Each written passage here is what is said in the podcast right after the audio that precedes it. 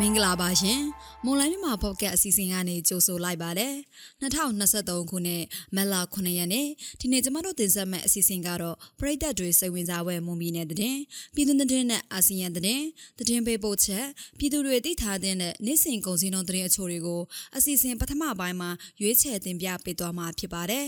ဒါအပြင်စစ်ကောင်စီနဲ့ဆွေးနွေးနေတဲ့ ERO တွေကိုတော်လှန်ရေးမှာပါဝင်ဖို့စီယုံတင်တယ်ဆိုတဲ့သတင်းပေးပို့ချက်ကိုလည်းတင်ဆက်ပေးပါအောင်မယ်။ဟုတ်ကဲ့ပါဒီကနေ့အစီအစဉ်မှုကတော့ကျမနွန်တဲ့ကတာဝန်ယူတင်ဆက်သွားမှာဖြစ်ပြီးကျမနဲ့အတူကိုအာကာကသတင်းတွေကိုကူညီဖက်ကြားပေးသွားမှာဖြစ်ပါတယ်။နားဆင်နေကြတဲ့ပရိသတ်အားလုံးကိုမင်္ဂလာပါလို့နှုတ်ခွန်းဆက်သပါရစေကျွန်တော်အားကနွန်တယ်နဲ့အတူသတင်းတွေကိုကူညီဖတ်ကြားပေးသွားမှာပါ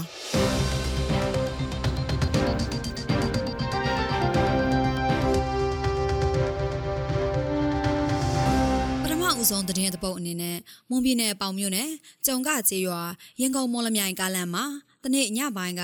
ကားတစ်စီးလူရက်ခံခဲ့ရတယ်လို့ဒေသခံတွေစီကနေသိရပါဗျ။ရင်ကုန်တိုင်းဒေသကြီးတန်လျင်မြို့နယ်ဘူကျုပ်ရွာတင်နေတော်မြင့်မြင့်အေးဟာဟိမင်းစော်ဆိုသူကိုရင်မောင်းအဖြစ်ငှားရဲမောင်းနေစေခဲ့ပြီးပေါင်မြို့မုတ်တမရွာကိုထွက်ခွာလာခဲ့ပါတယ်။အဲ့ဒီကားဟာပေါင်မြို့နယ်ကျုံကကျေးရွာနီးရန်ကုန်မော်လမြိုင်ကားလန်မိုင်းတိုင်းအမှတ်182 နှစ်သုံးကြအရောက်မှာရင်မောင်းဖြစ်သူကအပေါ့သွားမယ်ဆိုပြီးကားရက်တုံးအမည်မသိအမျိုးသားသုံးဦးကရုတ်တရက်တက်ရောက်လာခဲ့တာပါ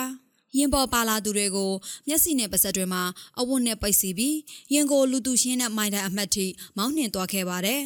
ဖြစ်စဉ်အတွင်းဒေါ်မြင့်မြင့်အိမ်နဲ့မိသားစုတွေရဲ့လက်ဝတ်လက်စာဖုန်းပတ်စံစုစုပေါင်းတန်ဖိုးကျပ်သိန်း80ကျော်ကိုလူယူပြီးအငှားရင်တစည်းပေါ်တက်ရောက်ကပေါင်မြို့ဘက်ကိုမောင်းနှင်ထွက်ပြေးသွားတယ်လို့သိရပါတယ်။ ဒေါ်မြင့်မြင့်အေးကတရားလိုပြုလုပ်ပြီးရင်မောင်းဟိမင်းစော်အပါဝင်၄ဦးကိုမုတ်တမရဲမြင့်နယ်စခန်းမှာအမှုဖွင့်ထားတယ်လို့သိရပါတယ်။နောက်ထပ်သတင်းတစ်ပုဒ်အနေနဲ့မွန်ပြည်နယ်ကြိုက်မရောဗဟိုအကျဉ်းထောင်ထဲမှာအကျဉ်းသားအခွင့်အရေးတောင်းဆိုတဲ့နိုင်ငံရေးအကျဉ်းသားတွေအသက်အန္တရာယ်စိုးရိမ်ရတဲ့အထိနှိပ်စက်ခံနေရတယ်လို့ရှေ့နေတွေနဲ့ပြန်လည်လွတ်မြောက်လာသူတွေစီကသိရပါဗျ။ထောင်သွင်းအကျဉ်းသားအခွင့်အရေးရဖို့တောင်းဆိုသူတွေကို ထောင်အာဏာပိုင်တွေကပြစ်မှတ်ထားဖိနှိပ်တိုက်ခိုက်မှုတွေလုပ်လေ့ရှိတယ်လို့ကြိုက်မရောထောင်နဲ့နှိစက်တဲ့သတင်းအရင်းမြစ်တွေကပြောပါတယ်။နေထိုင်စားသောက်ရေးကျန်းမာရေးကိစ္စတွေအပါအဝင်ထောင်သွင်းအစင်မပြေမှုတွေကိုထောင်အာဏာပိုင်တွေစီတင်ပြတောင်းဆိုတဲ့အခါတောင်းဆိုတဲ့နိုင်ငံရေးအကျဉ်းသားတွေကိုညဉ့်ညမ်းတဲ့အတုံးနှုံနဲ့ဆဲဆူအောင်ငေါက်တာတိုက်ပိတ်ပြီးအစာမကျွေးတာတွေနဲ့အသက်အန္တရာယ်စိုးရိမ်ရတဲ့အထိညှဉ်းပန်းနှိပ်စက်တာတွေလုပ်နေတယ်လို့ကြိုက်မရောအကျဉ်းထောင်က ပြန်လည်လွတ်မြောက်လာတဲ့နိုင်ငံရေးအကျဉ်းသူတူကပြောပါတယ်။ကြက်မြောထောင်ထဲမှာစစ်တပ်အာဏာသိမ်းမှုကိုလက်မခံဘဲပုံစံမျိုးမျိုးနဲ့ဆန္ဒပြခဲ့တဲ့သူတွေအမျိုးသားညီညွတ်ရေးအစိုးရ NUG PDF နဲ့ပတ်သက်ဆက်နွယ်သူတွေနိုင်ငံရေးနဲ့ပတ်သက်ပြီးအကြောင်းအမျိုးမျိုးကြောင့်ဖမ်းဆီးခံထားရတဲ့သူတွေပါဝင်နိုင်ငံရေးအကျဉ်းသားအကျဉ်းသူ300နီးပါးရှိနေတယ်လို့သိရပါတယ်။ထောင်အာဏာပိုင်တွေကအကျဉ်းသားအခွင့်အရေးရဖို့တောင်းဆိုတဲ့နိုင်ငံရေးအကျဉ်းသားတွေကိုအကြမ်းဖက်နှိပ်စက်တာတွေအပြင်ခေါ်ထုတ်သွားပြီး အစာအနာပျောက်သူတွေလည်းရှိပြီးကြံအကျဉ်းသားတွေကိုလည်းအသက်အန္တရာယ်ချိန်ချောက်လေးရှိနေတယ်လို့ဆိုပါတယ်ခင်ဗျာနောက်ထပ်သတင်းသဘောက်အနေနဲ့ကတော့မြမကျေးလက်ကလူဆယ်ရာခိုင်နှုန်းကျော်ဟာ RATG 73ဆိုတဲ့လင်းနိုကသဖြင့်ကုသတဲ့ကိုရိုနာဗိုင်းရပ်အပါအဝင်စာနဲ့တူတဲ့အသက်ရှူလမ်းကြောင်းဆိုင်ရာကိုရိုနာဗိုင်းရပ်ကူးစက်ခံထားရတယ်လို့သိပ္ပံပညာရှင်တွေကသတိပေးလိုက်ပါတယ်။ The Telegraph သတင်းမှာမနေ့ကဖော်ပြတာဖြစ်ပြီး2019ခုနှစ်ကနေ2020ပြည့်နှစ်အတွင်းနိုင်ငံတော်ကလူ900နီးပါးရဲ့သွေးတွေကိုသူတည်တည်တွေကစစ်ဆေးခဲ့တဲ့အခါ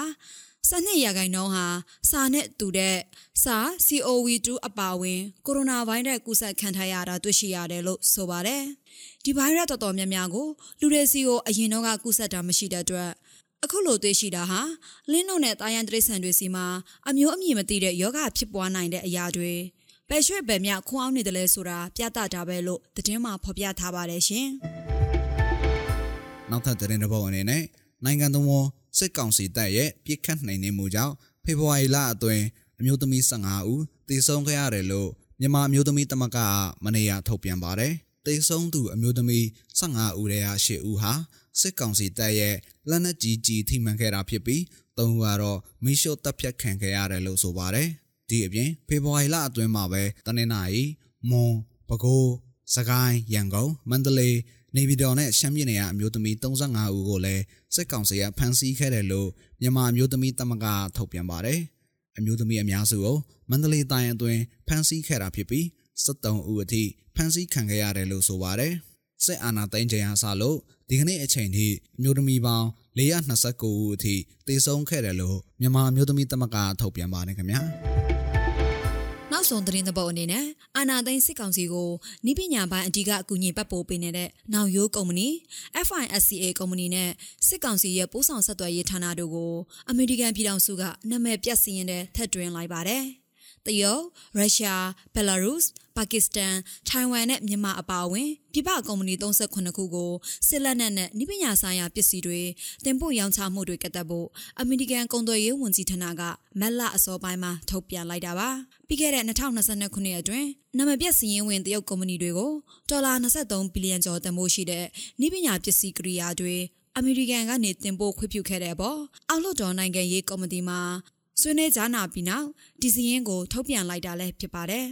မြန်မာနိုင်ငံကလုံခြုံရေးဝန်ဆောင်မှုကုမ္ပဏီတွေဖြစ်တဲ့နောင်ရိုးကုမ္ပဏီ FISCA ကုမ္ပဏီနဲ့ပို့ဆောင်ဆက်သွယ်ရေးဌာနတို့ဟာလူပုဂ္ဂိုလ်အဖွဲ့အစည်းတွေကိုစစ်ကောင်စီကခြေရကန်စုံစမ်းထောက်လှမ်းရမှာအသုံးပြုဖို့နှိပညာဝန်ဆောင်မှုတွေပေးနေတယ်လို့ထုတ်ပြန်ချက်မှာဖော်ပြထားပါတယ်။ ဦးရဲဝင်းထုတ်တင်ပိုင်နောက်ရိုးနီးပညာကုမ္ပဏီနဲ့ဥစော်ဝိတ်ပိုင် FISCA လုံခြုံရေးနဲ့ဆက်သွယ်ရေးကုမ္ပဏီတို့ဟာအရင်နာအဖအစစ်အစိုးရလက်ထက်ကတည်းကစစ်တပ်နဲ့နှိစက်တဲ့နီးပညာကုမ္ပဏီတွေဖြစ်ပြီးစစ်ကောင်စီအတွက်လုံခြုံရေးကင်မရာတပ်ဆင်ရေးတင်တာတွေရရှိထားတဲ့ကုမ္ပဏီတွေဖြစ်ပါတယ်ရှင်။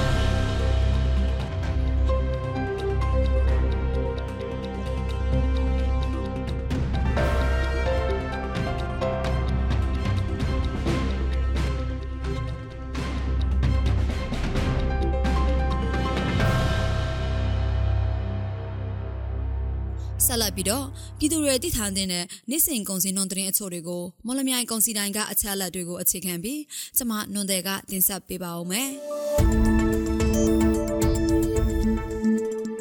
ဒီကနေ့ထိုင်းနဲ့မြန်မာငွေလဲနှုန်းကတော့ထိုင်းဘက်82.6ခုဝယ်ဈေးရှိပြီးတော့ရောင်းဈေးကတော့83.9ကျပ်ရှိနေပါတယ်။ ဒေါ်လာဈေးကတော့အမေရိကန်ဒေါ်လာကိုဝယ်ဈေးမြန်မာငွေ2850ကျပ်ရှိပြီးရောင်းဈေးကတော့2865ကျပ်ရှိနေပါတယ်။ရွှေဈေးနှုန်းကတော့မီလီယံ16ပဲရည်တစ်ချက်သားကိုအပြင်ပေါက်စေ28သိန်းအထက်မှာရှိနေပါတယ်။73စီတွေကတော့ဒီဇယ်တလီတာကို2325ကျပ်အောက်သိန်း62တလီတာကို2245ကျပ်နဲ့65တလီတာကို2330ကျပ်အထိရှိနေပါတယ်။ စံစည်းနှုန်းကတော့အကောင်းစားပေါ်ဆံမှု108ပေါင်ကိုအမြင့်ဆုံး9200ကျပ်အလယ်လက်တန်းစံအမျိုးအစားပေါ်ကျွဲ108ပေါင်ကိုအနှိမ့်ဆုံး6400ကျပ်နဲ့အမထဆန်တွေကတော့108ပေါင်အနှိမ့်ဆုံးကို9800ကျပ်နဲ့အမြင့်ဆုံးကို6000ကျပ်အထိရှိနေပါတယ်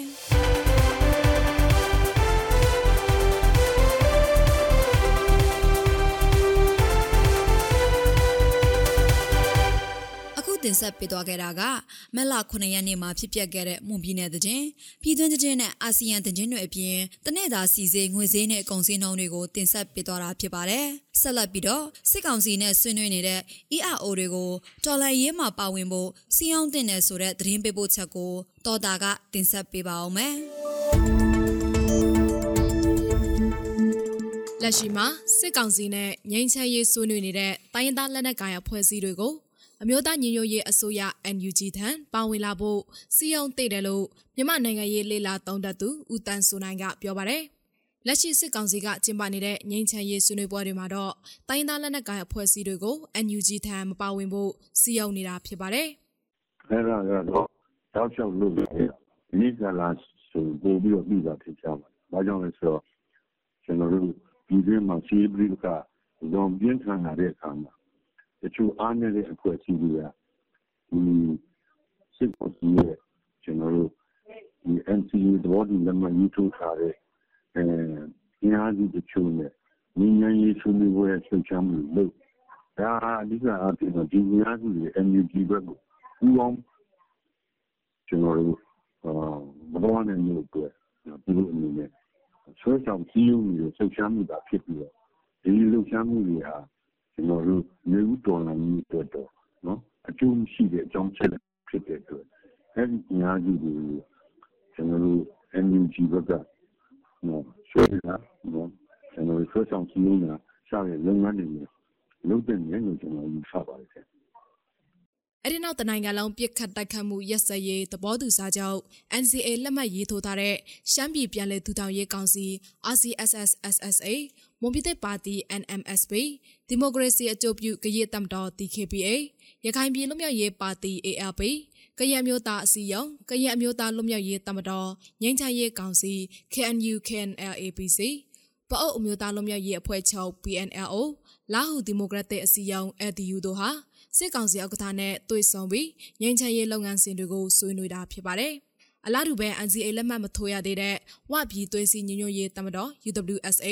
မြို့သားဒီမိုကရေစီမဟာမိတ်တမတော် NDAA မိုင်းလာဖွဲ့ရှမ်းပြည်တိုးတက်ရေးပါတီ SSPB SSA တို့လည်းစစ်ကောင်စီနဲ့တွေ့ဆုံဆွေးနွေးထားပါတယ်။လက်ရှိပြည်တွင်းမှာဖြစ်ပေါ်နေတဲ့ပြဿနာတွေဟာစစ်ကောင်စီကြောင့်ဖြစ်ပေါ်ရတဲ့ပြဿနာတွေဖြစ်တယ်လို့မြန်မာနိုင်ငံရေးလေလာသုံးသပ်သူဒေါက်တာလှကျော်စောကပြောပါတယ်။။အော် ဒါကတော့ သူတို့လုပ်မှာပဲလေခင်ဗျဗမာပြည်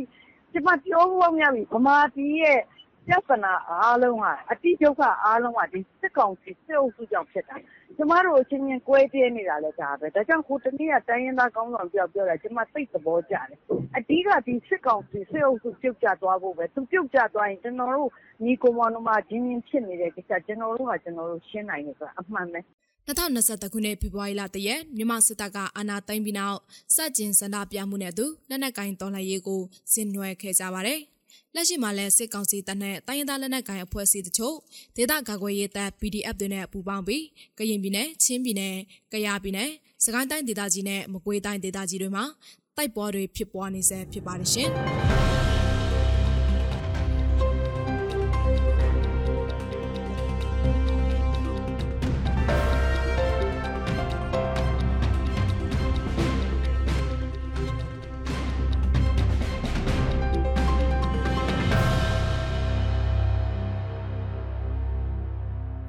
ညောရဲ့မွန်လန်းမြန်မာပေါ့ကတ်အစီအစဉ်ဒီမှာတင်ပြီးဆုံးပါပြီ။နောက်ဆင်ကြတဲ့ပရိသတ်အားလုံးကိုနောက်နေ့အစီအစဉ်တွေမှာဆက်လက်အားပေးကြပါအောင်လို့ဖိတ်ခေါ်ရင်းအစီအစဉ်ကိုဒီမှာတင်ဆုံးသတ်ပါရစေ။အားလုံးကိုကျေးဇူးတင်ပါတယ်ခင်ဗျာ။